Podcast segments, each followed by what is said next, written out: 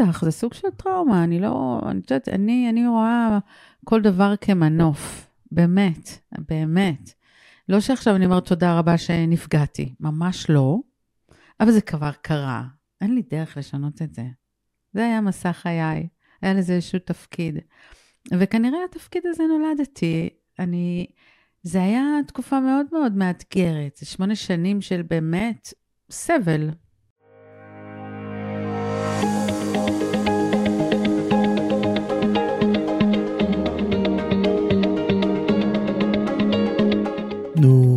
עכשיו?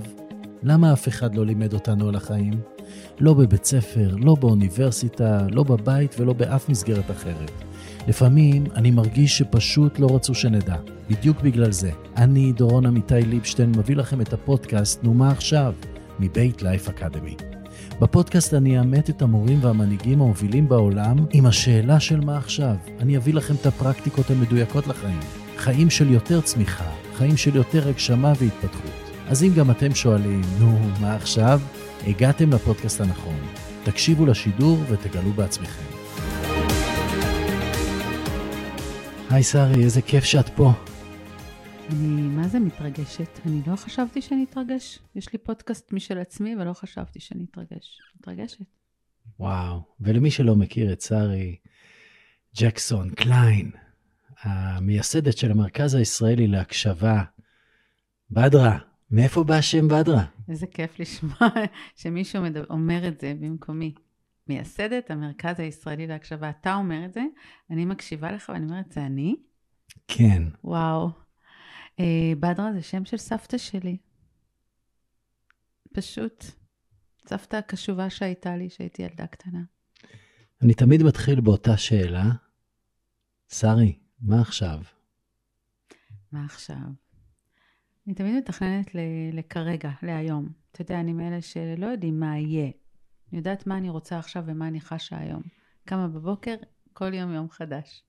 אבל uh, אני מאמינה, עדיין, כבר כמה שנים, שככל שאני אקשיב לך יותר, אני אהיה נוכחת מולך, אני אהפוך את העולם ליותר טוב עבורך, במקרה האישי שלנו, ואם כולנו נעשה את הסיטואציות שאנחנו פשוט נצא ונקביל את החיים שלנו, כל מה שאנחנו עושים ביום-יום, אנחנו פשוט... אה, אה, אני למשל יוצאת מהבית, אני יודעת שאיפשהו בדרך אני אמצא מישהו להקשיב לו. גם אם זה לדקה, גם אם זה במעלית, גם אם זה בחנייה. לדקה, מה שלומך? ואני אחכה לתשובה. מרגישה שאני מחלקת מתנות כשאני מקשיבה לאנשים. אני, שאני בא מעולם אה, של עולם התוכנה פעם, מייקרוסופט, בשבילי אני שומע הקשבה וזה כמו מערכת הפעלה. Okay. אוקיי. זה משהו שמפעיל אותנו, הנושא של הקשבה, עליו מתבסס הכל. Mm-hmm. מתי הבנת שהקשבה היא כל כך חשובה לך ולעולם? איפה זה התחיל? אתה זורק אותי המון שנים אחור. ממש את העוצמה של זה בבטן, שהיום אני מבינה שזה זה, זה, כשאתה מרגיש מוקשב, אתה מרגיש את זה בבטן, ואתה מרגיש כאילו שמישהו רואה אותך, זה היה כשהייתי בת 16 וחצי. אה, זו הייתה המורה שלי, קראו לה רונית. אני מרשה לעצמי להגיד רונית אלבו, כי ראיתי אותה לפני מספר שנים, והיא הייתה המקשיבה הראשונה שהייתה לי.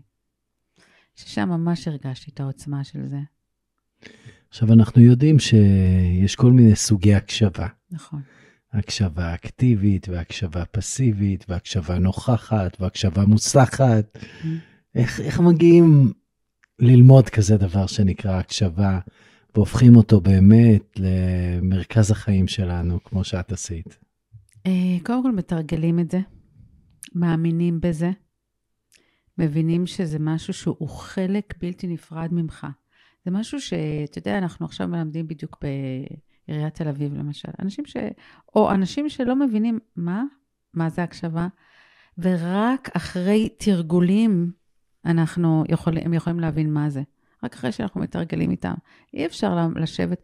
עכשיו פגשתי את ליאור, השותף. שותף שלי, כן. והוא אמר לי, אבל, אה, אז אולי אפשר לעשות בזום. אני יודעת שיש מקומות ויש גופים שאולי מלמדים אה, אה, הקשבה בזום. אני לא מאמינה בזה. אני מאמינה שהקשבה אפשר רק אחד, כמו שעכשיו, אני מסתכלת אליך, אתה מסתכל אליי, ואנחנו נוכחים פה ברגע הזה, ואתה מקשיב לי, ואני מרגישה שאתה מקשיב לי, אז זה, זה הקשבה מבחינתי. זה לא משהו שאפשר לעשות בזום, למשל. עכשיו, זה לא שנולדת עם המרכז הישראלי להקשבה, נכון. היה לך קריירה מפוארת, אחרת. מה עשית קודם, ואיך הגעת למסקנה שאת רוצה להקדיש את חייך עכשיו, ואני מתאר לעצמי גם בעתיד, mm-hmm. לנושא הזה של הקשבה וללמד יותר ויותר אנשים להקשיב, להפוך את העולם למקום יותר טוב בזכות ההקשבה. דורון, זה משהו שכל חיי ידעתי שיגיע. לא ידעתי מתי יגיע. ואתה יודע, החיים מובילים אותך. אני בן אדם שככה רוקד עם הזדמנויות כל הזמן, מנסה. אני כל הזמן מתנסה בדברים חדשים. ולפני שלוש וחצי שנים, הגיע אליי איזשהו פוסט. אני כל החיים לומדת, אוקיי? יש לי הכשרות בכל מיני דברים שבעצם ריפו אותי. אני מעולם לא הייתי אצל פסיכולוג, לדוגמה. מעולם, אחד על אחד. אני מאוד מאמינה בקהילות. אז מעבר לזה שלמדתי הוראה ולמדתי תרפיה באמנות, התחלתי ללמוד מקצועות שהם אה, מקצועות תעודה. ולפני שלוש שנים הגיע אליי, אה, הייתי, ב, לא עבדתי מרצון, פוסט של דיקסון שיבנדה מזימבבואה. הוא פסיכיאטר, נראה תימני דרך אגב. וואו.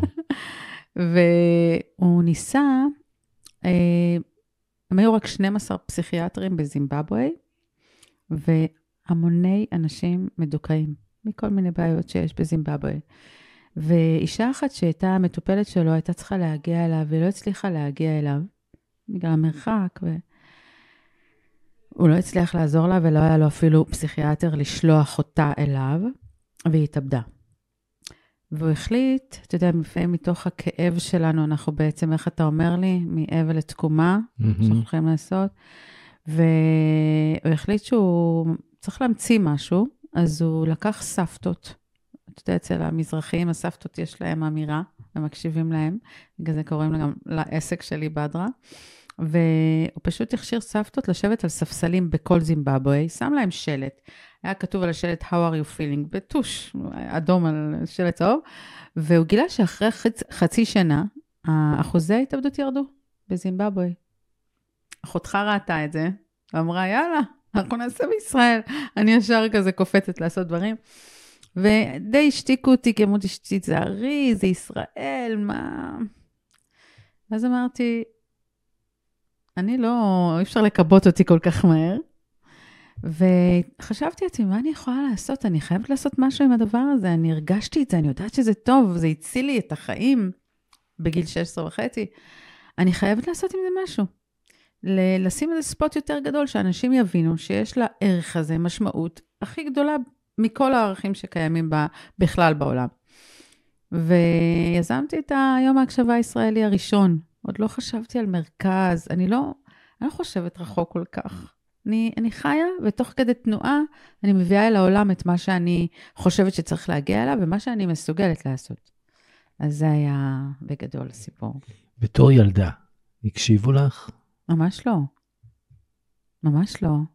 כאילו, מה זה הקשיבו לי? אני לא יודעת אם...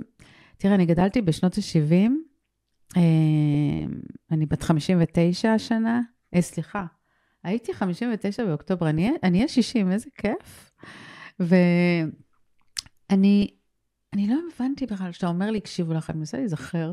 לא זוכרת הרבה דברים מהילדות שלי, אולי דברים קטנים, את הדברים השמחים. היו דברים לא נעימים, אבל את השמחים אני זוכרת. האחים שלי, שהייתי תמיד ככה נדבקת אליהם, היו גדולים ממני.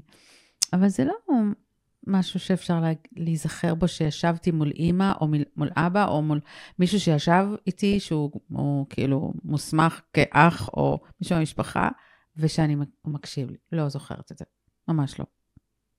אז אפשר להגיד שזה ככה פצע מהילדות, שלא מקשיבים לי עד שהגיע גיל 16 והיה פה את השינוי? בטח, זה סוג של טראומה. אני לא, אני יודעת, אני, אני רואה כל דבר כמנוף. באמת, באמת. לא שעכשיו אני אומרת תודה רבה שנפגעתי, ממש לא, אבל זה כבר קרה. אין לי דרך לשנות את זה. זה היה מסע חיי. היה לזה איזשהו תפקיד. וכנראה התפקיד הזה נולדתי. אני, זה היה תקופה מאוד מאוד מאתגרת. זה שמונה שנים של באמת סבל. זה סבל, לילדה זה סבל.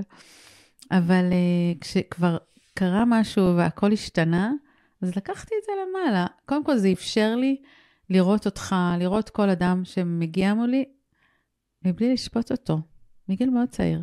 לפעמים הכאב והפצע הזה מוביל אותנו לייעוד שלנו. נכון. למקום. אז בעצם, את אומרת, זה קרה עבורי, שלא הקשיבו לי, ש... שיש לי טראומה שאני סוחבת מילדות, כי היא הביאה אותי למצב של היום, או בהמשך החיים, אני הקשבתי יותר וראיתי את היתרון בהקשבה. הייתי מוותרת על זה. כן. אבל זה קרה, ואני באמת מסוג האנשים שחיים.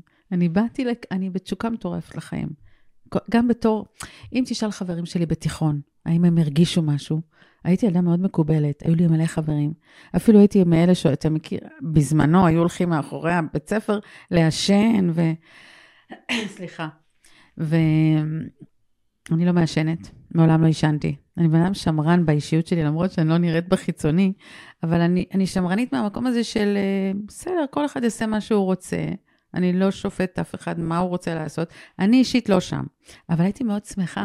הייתי מאוד מקובלת. היה לי, תשאל את החברים שלי, הם יגידו לך כל הזמן, הם זוכרים חיוך. הם לא תיארו לעצמם מה אני חווה, לא היה להם מושג.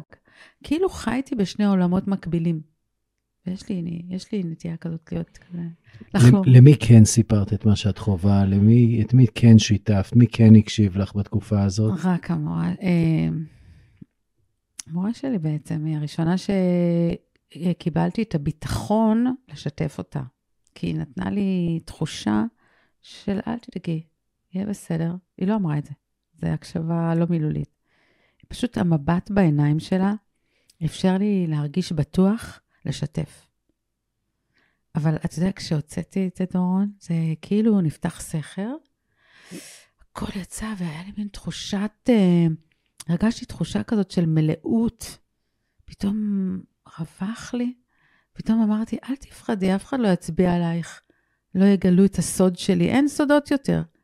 ומאז אין לי סודות. אני באמת, הכל דף פתוח, אפשר לשאול אותי הכל, לדבר, כאילו נראה לי נורא טבעי, ואני לא הבן אדם היחיד. גם אז לא היה אינטרנט ולא, לא. אז כאילו, זו הייתה תחושה שאת גרה בשכונה מסוימת, באזור מסוים, ואז אתה מגלה, כשאני גדלתי, גיליתי שזה בעצם יכול לקרות בכל מקום. נכון. אז זה לא... אני, אני חיה את החיים ממש אה, כאילו בהוקרה מלאה, אמיתית, כל בוקר. כל בוקר אני קמה כאילו למציאות של נולדתי מחדש בבוקר. אני כאילו, אני הולכת למות בלילה, מתה לכמה שעות, כי אני באמת לא זוכרת כלום, סוג של מוות כזה. אז אני מתעוררת, אני אומרת, תמיד אני אומרת לבן זוג שלי, היי, איזה כיף, התעוררתי, אני מחייכת ישר שאני מתעוררת. נורא מוזר, אבל זה המציאות שלי, כאילו, אמיתית. מעריכה את החיים. כן, בהודיה? כן, ממש. ממש, מוותרת על לא לשמוע מה שאני לא חייבת.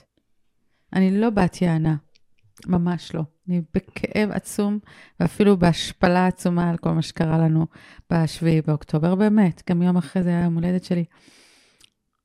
אני קצת, אני גם עכשיו קצת מרגישה מושפלת, כי בכל זאת, כאילו מישהו חדר לי לפרטיות שלי, גם אני יודעת מה זה, אז כאילו לא נעים לי. אני מדברת עכשיו, כשאני עושה, מתכווצת לך מול העיניים, זה...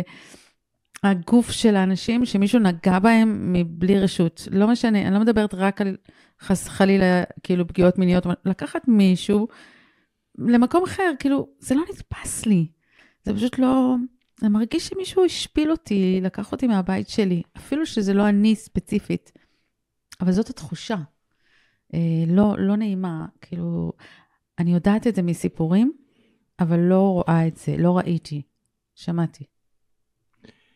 והרבה פעמים אנשים, אחרי שעוברים את האירועים האלה, כמו שעברנו עכשיו, בשביעי לעשירי, זה רק הפודקאסט השני שאני מסוגל להקליט. באמת? מאז השביעי לעשירי, צריכים לספר את הסיפור שלהם, רוצים לספר את הסיפור שלהם, זה עוזר להם להתמודד עם הטראומה. ברור.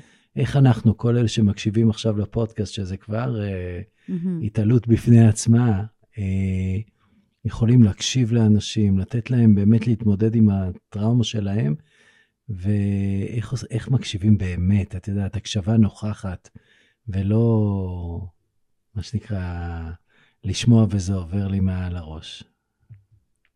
קודם כל, לבוא בחמלה. אתה יודע, יש משפט שאומר, כמה עם הפנים לפנים, כן לב האדם לאדם. אתה מכיר את המשפט הזה? כן. אוקיי. הוא אומר בעצם, יש לו המון פירושים, לתורה יש 70 פנים, אבל בגדול זה אומר, אתה איש כזה. אתה מגיע ל... לאדם שאתה לא מכיר, ואתה מתבונן בו, ויש לאנשים נטייה להיפתח אליך. אתה יכול לשאול את עצמך למה. למה, למה דווקא אליך, דורון, או אליי, גם זה קורה? אני חושבת שעם כל ההוויה שאנחנו מגיעים אל אנשים, אל בני אדם, ו, וזה בסדר שאני יכולה לשים אותך באותו סקאלה שלי, ברור, מבחינת זה שנפתחים. תודה. אז אנחנו באים מתוך מקום, קודם כל, עם, עם ההוויה של אנחנו, אנחנו פה, הכל בסדר, וגם לנו יש סיפור, מבלי שאנחנו אומרים בקול רם. אני לא מושלמת.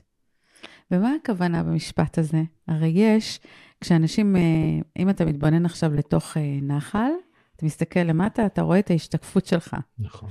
אם תיקח קערת מים בבית, מכלי זכוכית, ותתבונן פנימה, לא תהיה השתקפות. כי המים שאתה הוצאת, הם שקופים לגמרי. אז לא רואים, אה, זה כאילו 100% בן אדם מושלם, אם אני משווה את זה.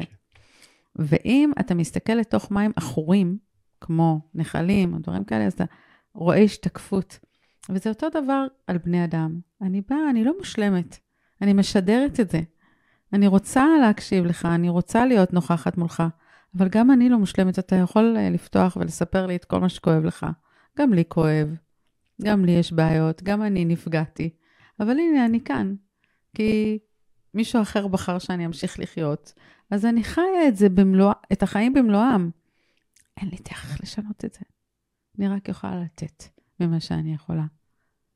דיברתי קודם על אה, הקשבה נוכחת, שזה מה שאת מתארת עכשיו, שאני כאן, מסתכל לך בעיניים, אנחנו נושמים ביחד. כאילו הקיפו אותנו בסוג של, אה, אני לא יודע מה, אה, בועה, Mm-hmm. שבעצם מפרידה אותנו רגע מהעולם, ואנחנו בהקשבה הכי מלאה אחד לשני. נכון. לפעמים גם לניואנסים, לאנרגיה, לשקט שבין מילה למילה. הרבה פעמים השתיקות, כן. זה ההקשבה הכי טובה. לפעמים אנחנו באמת אה, מקשיבים גם למה שלא נאמר, לא רק למה שנאמר, וזו ההקשבה הכי נוכחת שיש. אבל בעולמנו יש כל כך הרבה הסחות דעת וכל כך הרבה הפרעות, ויש נייד שתמיד באזור, ויש רעשים מבחוץ והרבה רעשים מבפנים. איך אנחנו באמת יכולים ללמוד ולשפר את יכולות ההקשבה שלנו? מה אנחנו יכולים לעשות? משהו פרקטי, שכל אחד ששומע אותנו עכשיו אומר לעצמו, וואלה, את זה אני לוקח, ואני משפר את יכולת ההקשבה שלי, כי החיים הם לגמרי אחרים כשאנחנו יותר ויותר מאסטרים בהקשבה. מהמם. אתה עושה ספורט? כן, היית תמיד טוב בספורט? לא. השרירים שלך היום חזקים יותר? השרירים שלי היום חזקים יותר, אתה אימנת אותם, נכון? נכון. זה אותו הדבר. אני יכולה לשתף אותך שבבית שלי, הפרטי, מגיל אה, מאוד מאוד קטן, היה לי, אה, יש לי תמונה, אני אראה לך בהזדמנות, ממש ביציאה מהבית, על הקיר, גדול, מלא תמונות עם ערכים מתחת לתמונות. הילדות שלי גדלו ככה. יוצאים מהבית, ובתור ילדות קטנות, איזה ערכים אתן בוחרות להיום? מה אתן בוחרות? וזה עניין של הרגל. ומגיל קטן, אני הרגלתי אותם, וגם אני, אני יוצאת מהבית אמיתי, ואני בוחרת לעצמי, מה, מה יחזיק אותי היום? מה יאפשר לי להיות בן אדם טוב יותר? היום זה כבר בא לי בטבעיות, כי אני כבר חיה את זה, זה חלק מהחיים שלי, אבל זה משהו שתרגלתי. כמו לרוץ, אתה יודע, פעם רצתי עשר דקות, היה נראה לי, מה, אין סיכוי שאני אצליח שעה. היום אני כבר רצה יותר בקלות. אז זה אותו דבר.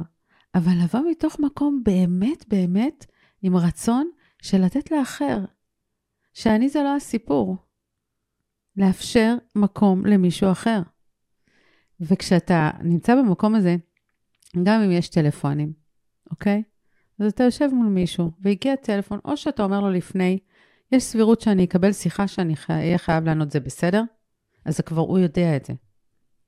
ואם זה לא הטלפון החשוב, אז אתה אומר לו, זה לא הטלפון שחיכיתי לו, ואתה ממשיך להיות איתו. כן. אבל להיות שם. ממש אה, סיימון סניק לוקח את זה לקצה, יש לו איזו הרצאה שהוא אומר, שמספיק שאני בא עם הטלפון לפגישה ואני מנפנף בו, אני אומר לאנשים, הטלפון יותר חשוב מכם, וגם כשאני שם אותו על השולחן, לא משנה אם אני הופך אותו או שהוא עם הפנים אליי, אני אומר לאנשים, תשמעו, אני פה, אבל יש משהו יותר חשוב וזה הטלפון. ממש. הוא ממש uh, משתדל, הוא אומר, באירועים חברתיים, שימו את כל הטלפונים בסל ושימו אותם בצד. באמת? הוא ממש uh, מראה עד כמה הטלפון הנייד שלנו, שזו דוגמה אחת מיני רבות, מושך את תשומת ליבנו ושם אותו כן. בחשיבות uh, גדולה יותר מהאנשים שאותם אנחנו פוגשים. אז uh, רק, uh, רק דוגמה אחת. זה מקסים. Uh, דוגמה אחת של סיימון סיניק uh, על הנושא הזה של uh, טלפונים והקשבה. עשית את היום ההקשבה הישראלי הראשון והשני, ואת הולכת לעשות את השלישי ב-15 למרץ. הולכים להגיע אנשים מדהימים, ואני אחד הדוברים, ואני אומר לך תודה על ההזדמנות. מה למדת מהראשון מהשני, ומה את מתכננת לשלישי? רגע. כן.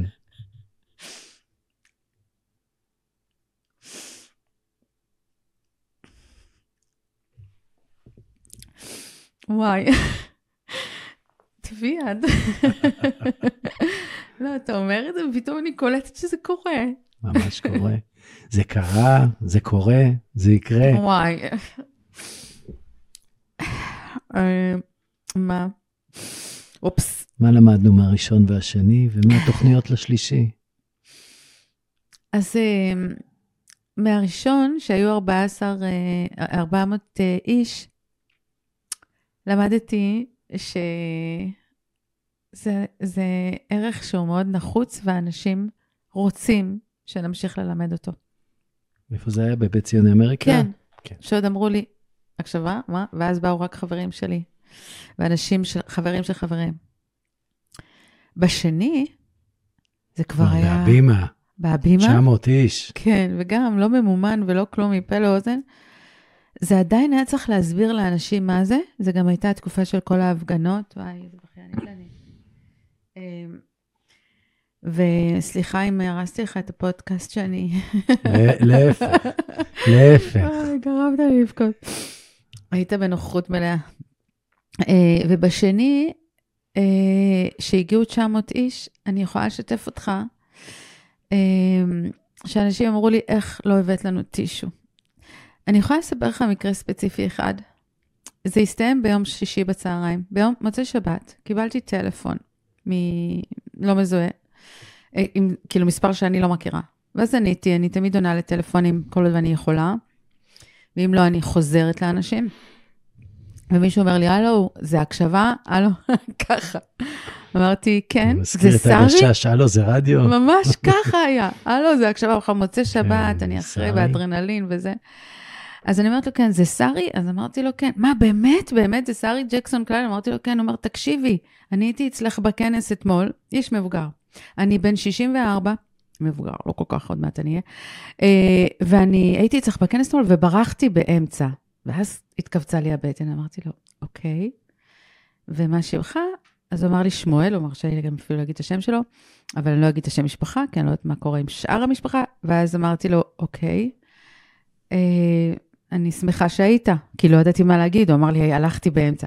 הוא אומר, אני ברחתי לאשתי באמצע, בהפסקה, אבל אני הבנתי, אני הבנתי שלא הקשבתי לה כל החיים שלי.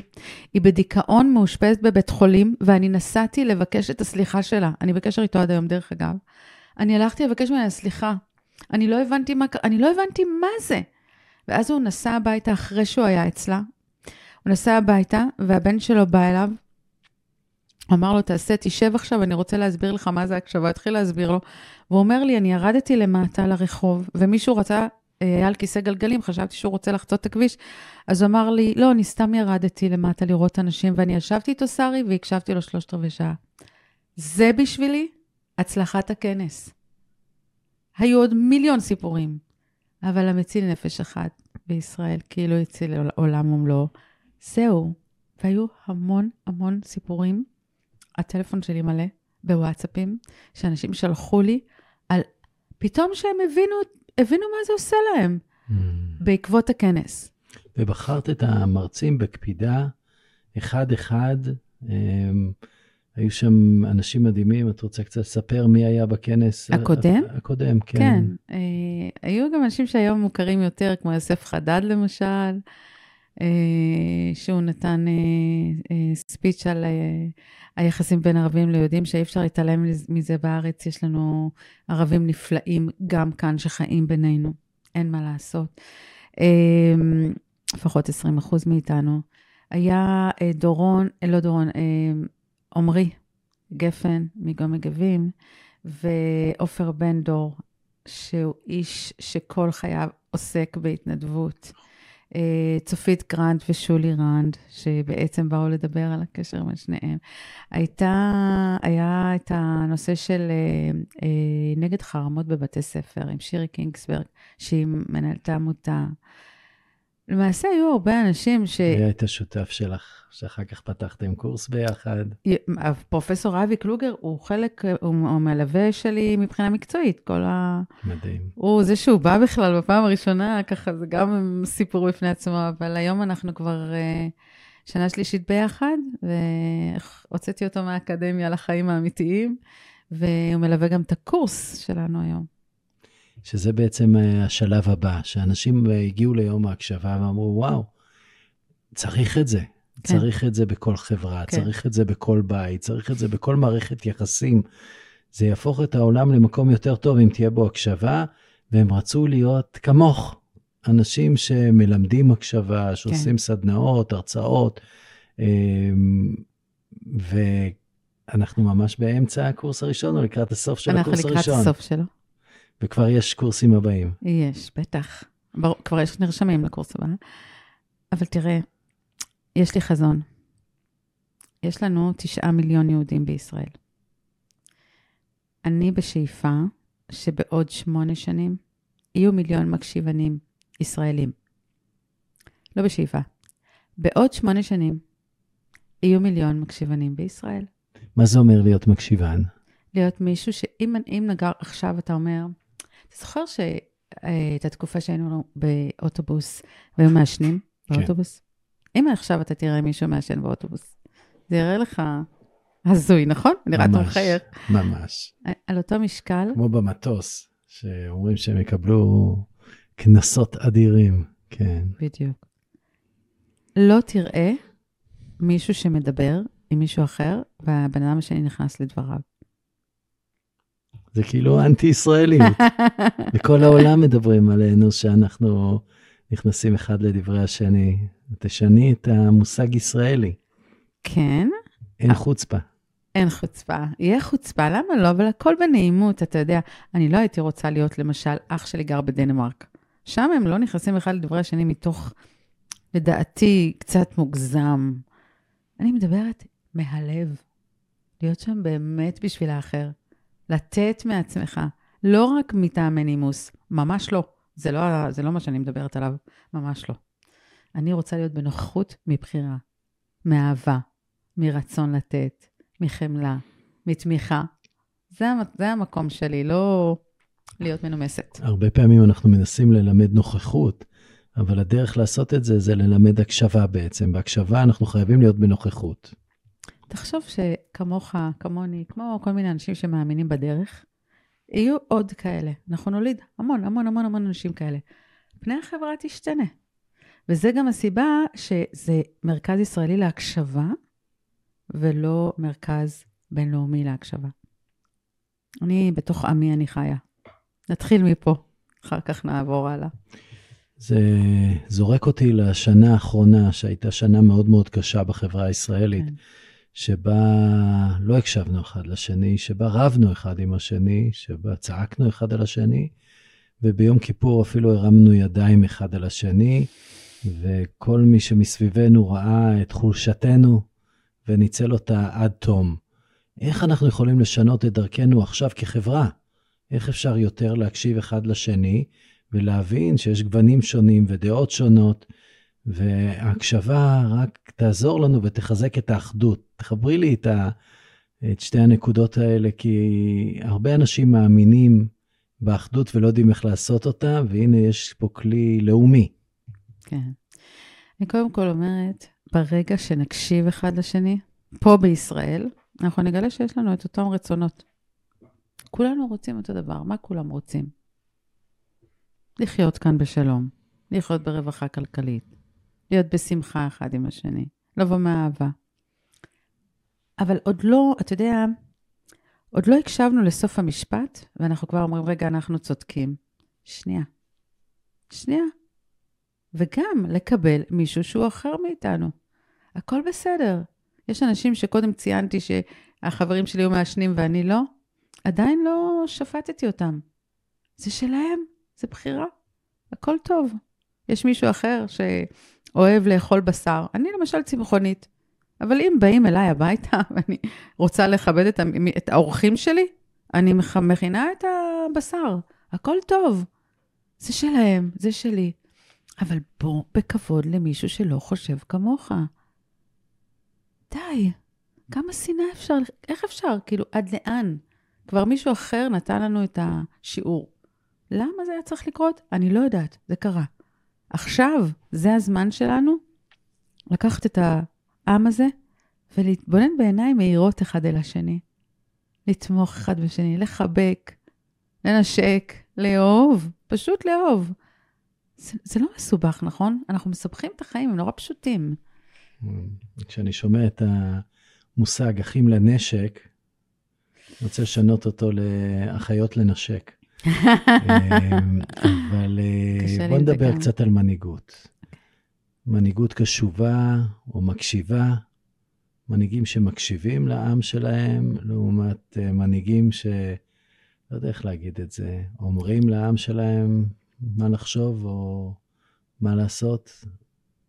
איך מנהיג יכול להיות יותר קשוב?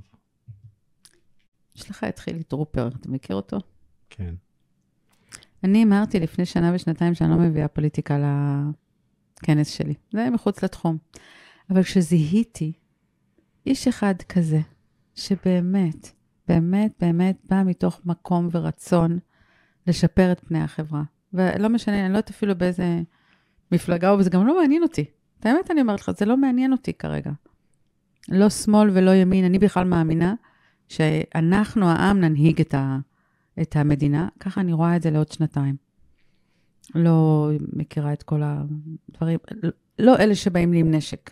אלה שבאים עם נשק האהבה, כמוני, לבוא עם הלב. וככל שאנחנו, העם, נבין שאנחנו צריכים לבחור דווקא באנשים הלא כוחניים, דווקא באנשים שבאו ממקום חיובי כלפינו, הכל ישתנה פה. אבל אנחנו, אני יודעת, אני לא חיה באיזה לה-לה לנד, אבל יש כאלה שאומרים שכן, אבל דרך הלה-לה לנד שלי, אני מצליחה לשנות פה סדרי עולם, ואני רואה, תשמע, אם היינו 400 ואני עוברת עכשיו ל-1200 אנשים שמאמינים בדבר הזה, וזה, אני בטוחה שיהיו יותר, ויש יותר, ויש כאלה שנשארים בזום ובחו"ל ובכל מיני, אז, אז זה יקרה בסוף, לא?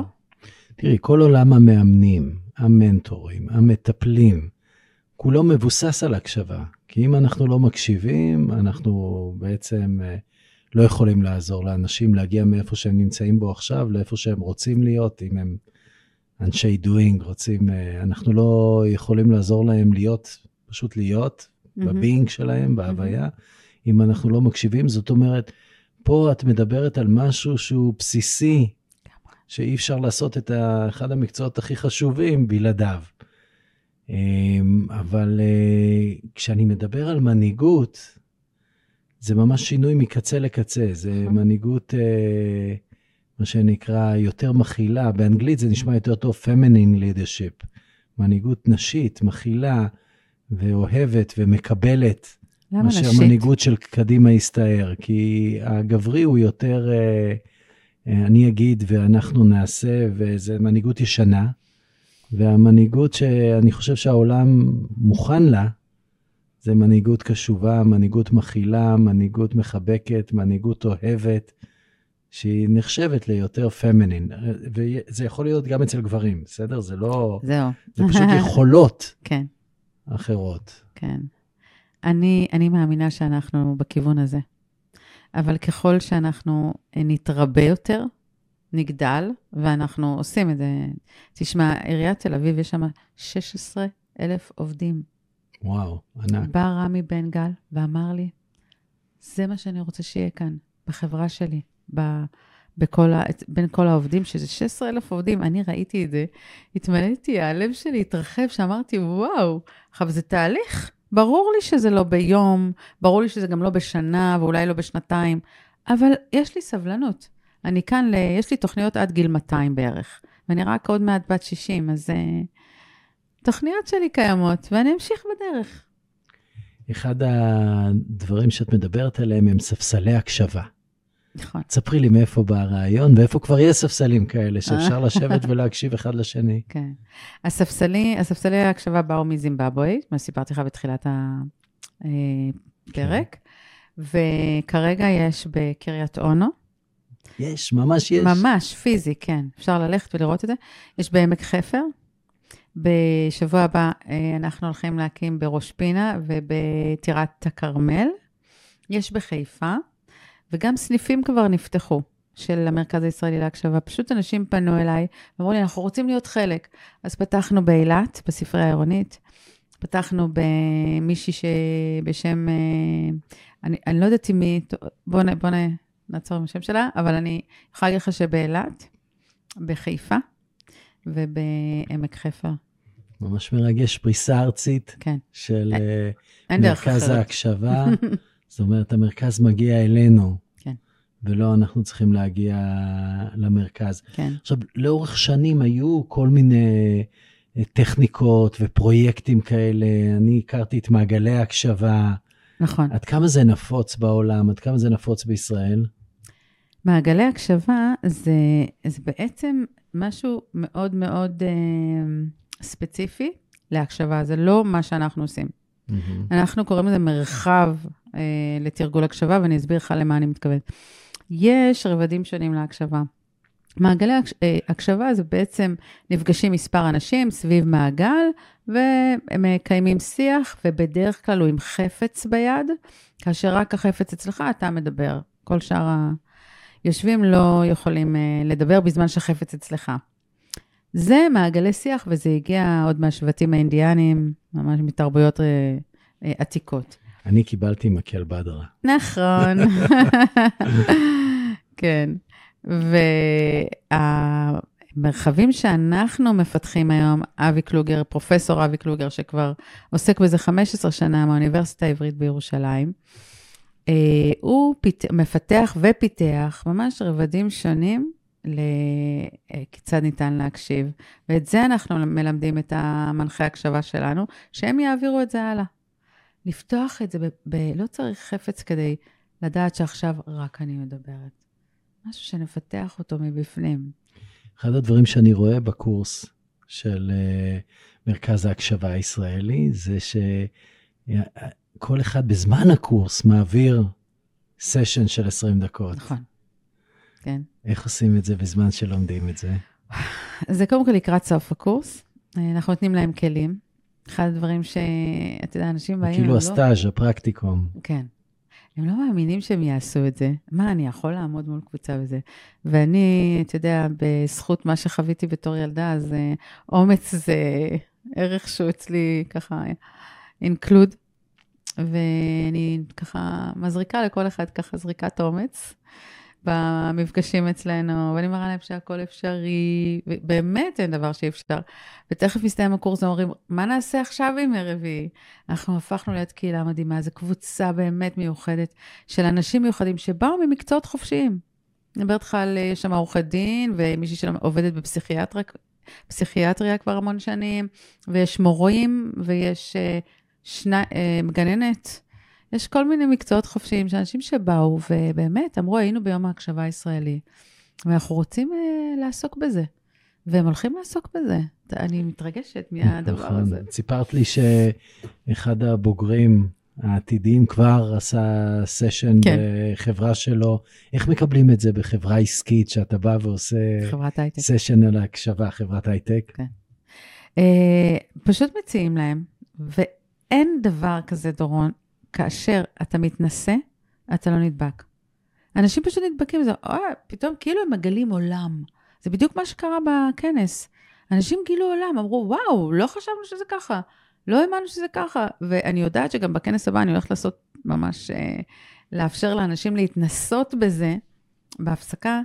אז uh, אני מאמינה שמי שנוגע במקום הזה, או מי שזה ייגע בו, רק, רק מתנסה בזה, הוא רוצה להמשיך ולחוות את זה. וככה מקבלים את זה גם בארגונים, הם מנסים, והם פתאום מגלים שמשהו אחר קורה.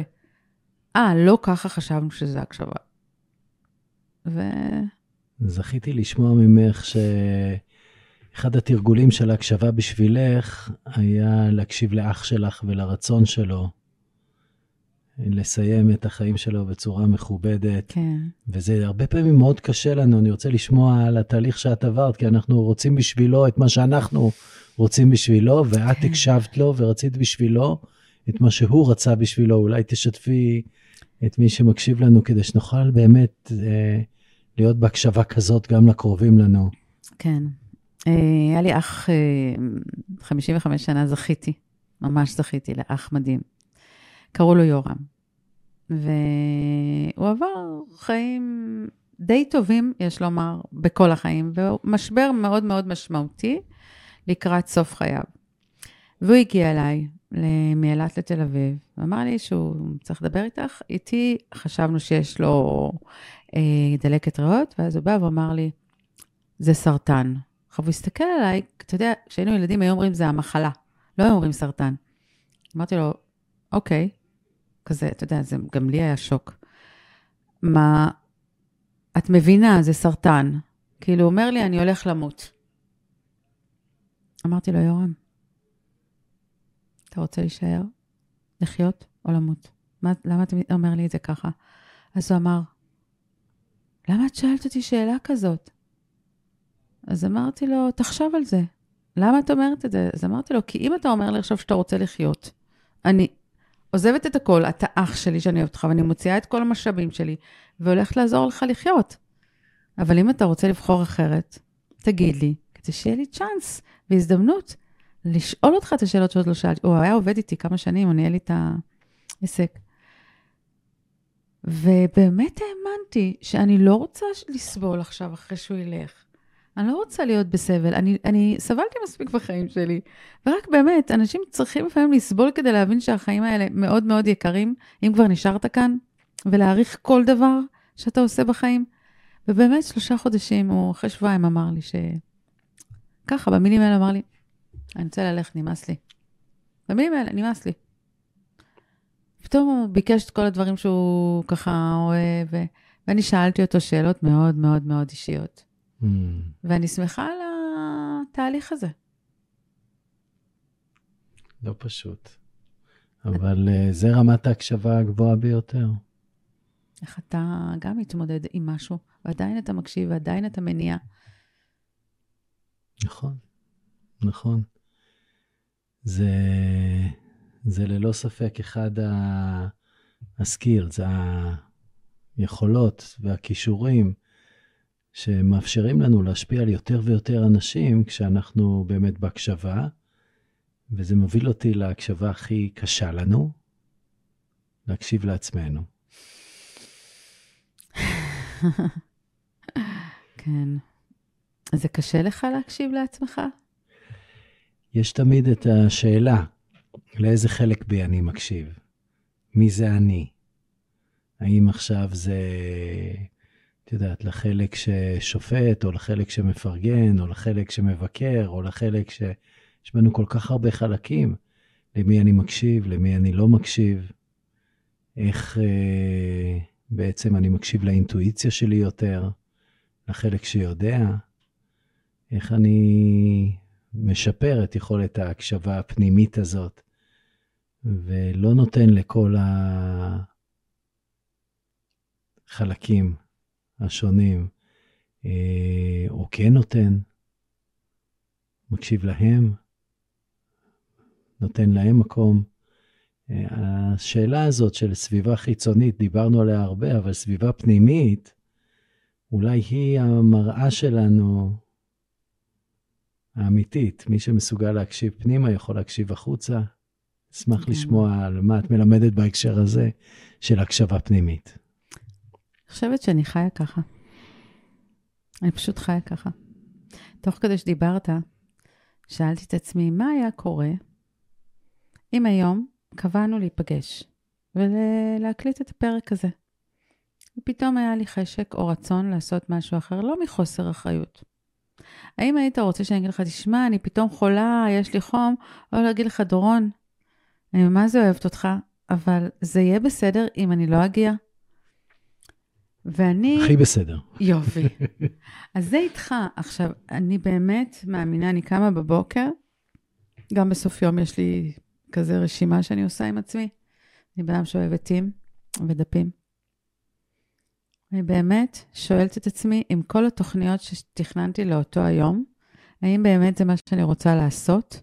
למשל, היום בבוקר היו לי שני דברים שהייתי צריכה לעשות, ובתחושת בטן שלי היה לי חשק לראות את הבת שלי. שעברה לגור בראש העין. אני פשוט הרמתי טלפון, ביטלתי את השני דברים שהיו לי בבוקר. אמרתי, ואמרתי את האמת. אני ממש צריכה לעשות את הפגישה, פגישת עבודה. אבל אני ממש זקוקה לראות את הבת שלי. אני הולכת לאכול איתה ארוחת בוקר. והתגובה הייתה, בטח, ברור, קודם תלכי... וזה בסדר, הכל יחכה, לאן לרוץ? אין לאן לרוץ. לגמרי. אני הולכת באמת באמת מהר, ואני מגיעה יותר, אה, אני הולכת לאט ואני מגיעה יותר מהר לאן שאני צריכה. אז באמת, בן אדם צריך להיות קשוב לעצמו. ואם, למשל, אתה צריך ללכת לעבודה, אתה מחויב. לך אליה בשמחה. אתה כבר הולך, או שתגיד, אוקיי, למקום הזה אני כבר הולך שלוש פעמים, לא נעים לי, תעשה שינוי. אפרופו הקשבה, הרבה פעמים כשאני מרגיש שאני מוצף, או שיש לי רעשים בראש, אני אגיד לבן אדם שאני מדבר איתו, אני ממש מוצף עכשיו, בוא נמשיך את השיחה אחר כך, כי אני ממש רוצה להקשיב לך. כן. וזה מזכיר לי משהו שעובר עלייך בתקופה האחרונה. את מקבלת עשרות אם לא מאות בקשות מאנשים שרוצים לדבר בכנס אה, נכון. הקשבה, יום ההקשבה הישראלי. עשרות, לא מאות, כן. ולפעמים את אה, מתייעצת איתי מה עושים, ואני אומר לך, תקשיבי, לקול הפנימי. כשאת לא בטוחה, את בטוחה שלא. ממש ככה. וכשאת יודעת, זה נכון. פשוט זה. אז זה להקשיב ככה כן. פנימה. לגמרי.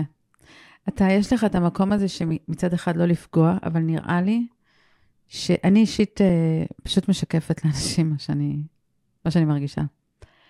אני חושבת שזה הכי נכון לעשות. אם בן אדם יהיה כן עם עצמו, גם אם מישהו עכשיו צריך אותי, ואני לא בפניות. אז אני אומרת, אני ממש לא, לא בפניות כרגע, זה בסדר ש... אפשר ש... מדויק. למשל, אפילו יש לי מורה לפילאטיס מכשירים, שהיום כבר לא היה לי נעים שם. Mm. אז פשוט אמרתי, מה את מסתבכת? תעשי שינוי. ניסית פעם, פעמיים, לא מתאים, תקדמי הלאה. את צריכה ליהנות. ואני באמת חושבת שאנחנו באנו לכאן ליהנות. דיברנו על להקשיב אה, החוצה, דיברנו על להקשיב פנימה. די למחשבות, מה אם להקשיב לגוף? וואו, בזה אני מעולה. קודם כל, זה אחד הדברים שאני הכי מכבדת. אז אני יכולה לשתף אותך שאני אני מאמינה שהדבר הזה שנושא אותי, צריך כבוד. זה אחד הדברים שאני מאפשרת לו, חוץ מאסתטיקה ומקלחת ועניינים, אני מניעה אותו לפחות שעה ביום, בכל סוג של ספורט. אני מאוד אוהבת לרקוד. אני רוכבת על אופניים, אני רצה, אני עושה ספורט. כל יום אני עושה לפחות שעה, משהו. עכשיו אומרים לי, מה? כל יום את עושה ספורט? עכשיו, דורון, יש 24 שעות ביממה. אנחנו ישנים, אני משתדלת לישון בין 7, 7 שעות, 7 וחצי, אני משתדלת מאוד. 7, בין 7 ל-8 שעות, ככה טוב. אני אומרת, בואי, נשאר מלא זמן. נכון. גם ללמוד, טלוויזיה פחות, אבל יש כל כך הרבה דברים שניתן לעשות בזה. אז שעה, לא לכבד אחרי שהגוף ככה סטטי, לא בלילה, לא זז. צריך לכבד את הגוף, וזה, וגם, הפה שלי הוא לא פח. אז אני מאוד משתדלת לדעת מה אני, ויש מצבים ותקופות, למשל אחרי השביעי, שהדבר המתוק קרה לי כל הזמן. אז בסדר, נתתי לזה רגע מקום, הכל טוב. טעמתי יותר עוגות, יותר קצפת, ועכשיו חוזרים למסלול, הכל בסדר. הגוף, הגוף ביקש את זה. בטח. ו, ובאמת להקשיב לגוף, הגוף מדבר בעונג וכאב הרבה פעמים. ואם כואב, זה הדרך של הגוף להגיד לנו, יוסטון, we have a problem. כאילו, יש לנו בעיה ובואו נטפל בזה. ואם יש לכם כאב ראש קטן ולא תקשיבו, יהפוך להיות uh, מיגרנה. אם יש לכם כאב בשן ולא תקשיבו, יהפוך להיות טיפול שורש. אם יש לכם כאב בברך ולא תקשיבו, זה יכול להיות מיניסקוס. צריך להקשיב לגוף, והגוף גם הרבה פעמים נותן לנו את התשובות. יש קנסיולוגיה, שזה עולם שלם שבו אנחנו שואלים את הגוף, והוא עונה לנו את התשובות של הנשמה. אז uh, ממש עולם ומלואו, הנושא הזה של הקשבה לגוף, הקשבה למחשבות, הקשבה לרגשות, אה, קודם ממש לזה. העולם הפנימי שלנו. קודם לרגש, קודם לנפש, קודם למה שאתה מרגיש אה, נפשית, ואז לא יהיו שום בעיות פיזיות. לא תצטרך בכלל להגיע למצב שאתה אומר מה עם הברך ומה עם הכאב ראש. לא יהיה לך. לא יהיה לך. ברגע שתהיה קשוב באמת לעצמך, לרצונות שלך, להוויות שאתה מתנהל איתן בעולם הזה, לנתינה שלך כלפי העולם. הרי זה קרמה. לא יהיו בעיות כאלה. אח שלי, הנסיך המדהים שהיה לי, הוא לא הקשיב, הוא, הוא לא הקשיב, ל... זה ברור, הוא יודע את זה, כן? הוא היה אומר, הכל טוב, הכל בסדר, הכל... הוא לא הקשיב לעצמו, הוא פשוט אכל את עצמו מבפנים, וזה התפרץ. כמה הלב שלך יכול נכון, לשאת? נכון, שזה בעצם המהות של סרטן, לאכול את עצמי מבפנים. לגמרי. לגמרי, לגמרי. אז אם נקשיב לעצמנו נפשית, רגשית, לא יהיו בעיות פיזיות. שרי, אפשר לדבר כל החיים על הקשבה. נכון. אפשר להקשיב כל החיים, אפילו לא לדבר. אה, קודם כל, תודה, תודה, תודה על השיחה הזאת, ואני אומר לכם, אם אהבתם את מה ששמעתם, אם אתם רוצים להקשיב יותר, קודם כל יום ההקשבה, זה ממש מעבר לפינה, 15 למרץ, עוד מעט יהיה אתר ותוכלו להירשם, וזה חשוב, חשוב להיות שם. אתם רואים שמי שהיה שם, חייו השתנו, אחר כך הלך להיות ממש מקצוע של אה, ממש אה, מקשיבן, כמו שאת קראת לזה. כן, לבוא ליהנות. ואם הקשבתם ואהבתם, תהיו נדיבים, שתפו חברים, תשלחו להם את הקישור הזה לפודקאסט הזה, ותגידו להם שהם חייבים להקשיב לזה. אם אתם רוצים להקשיב יותר לשרי, אז uh, הכי פשוט.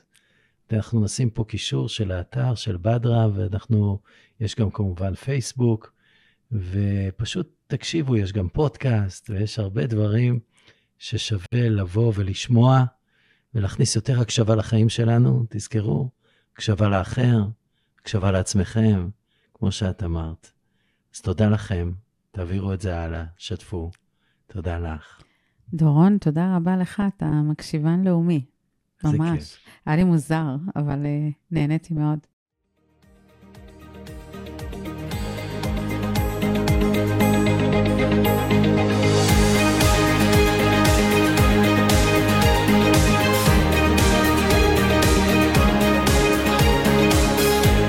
טוב חברים, הגענו לסיומו של עוד פרק בפודקאסט, נו מה עכשיו? במידה וקיבלתם ערך מהפרק הזה, עזרו לנו להפיץ את הבשורה. שתפו לפחות חבר אחד שיכול ליהנות מהערך הזה. בכל פרק מצורפות לכם שלושת הפרקטיקות עליהן דיברנו בפרק. צאו ויישמו, כי להקשיב בלי להתאמן ולממש, זה לא ממש עובד. אני הייתי דורון עמיתי ליבשטיין, ונתראה בפרק הבא.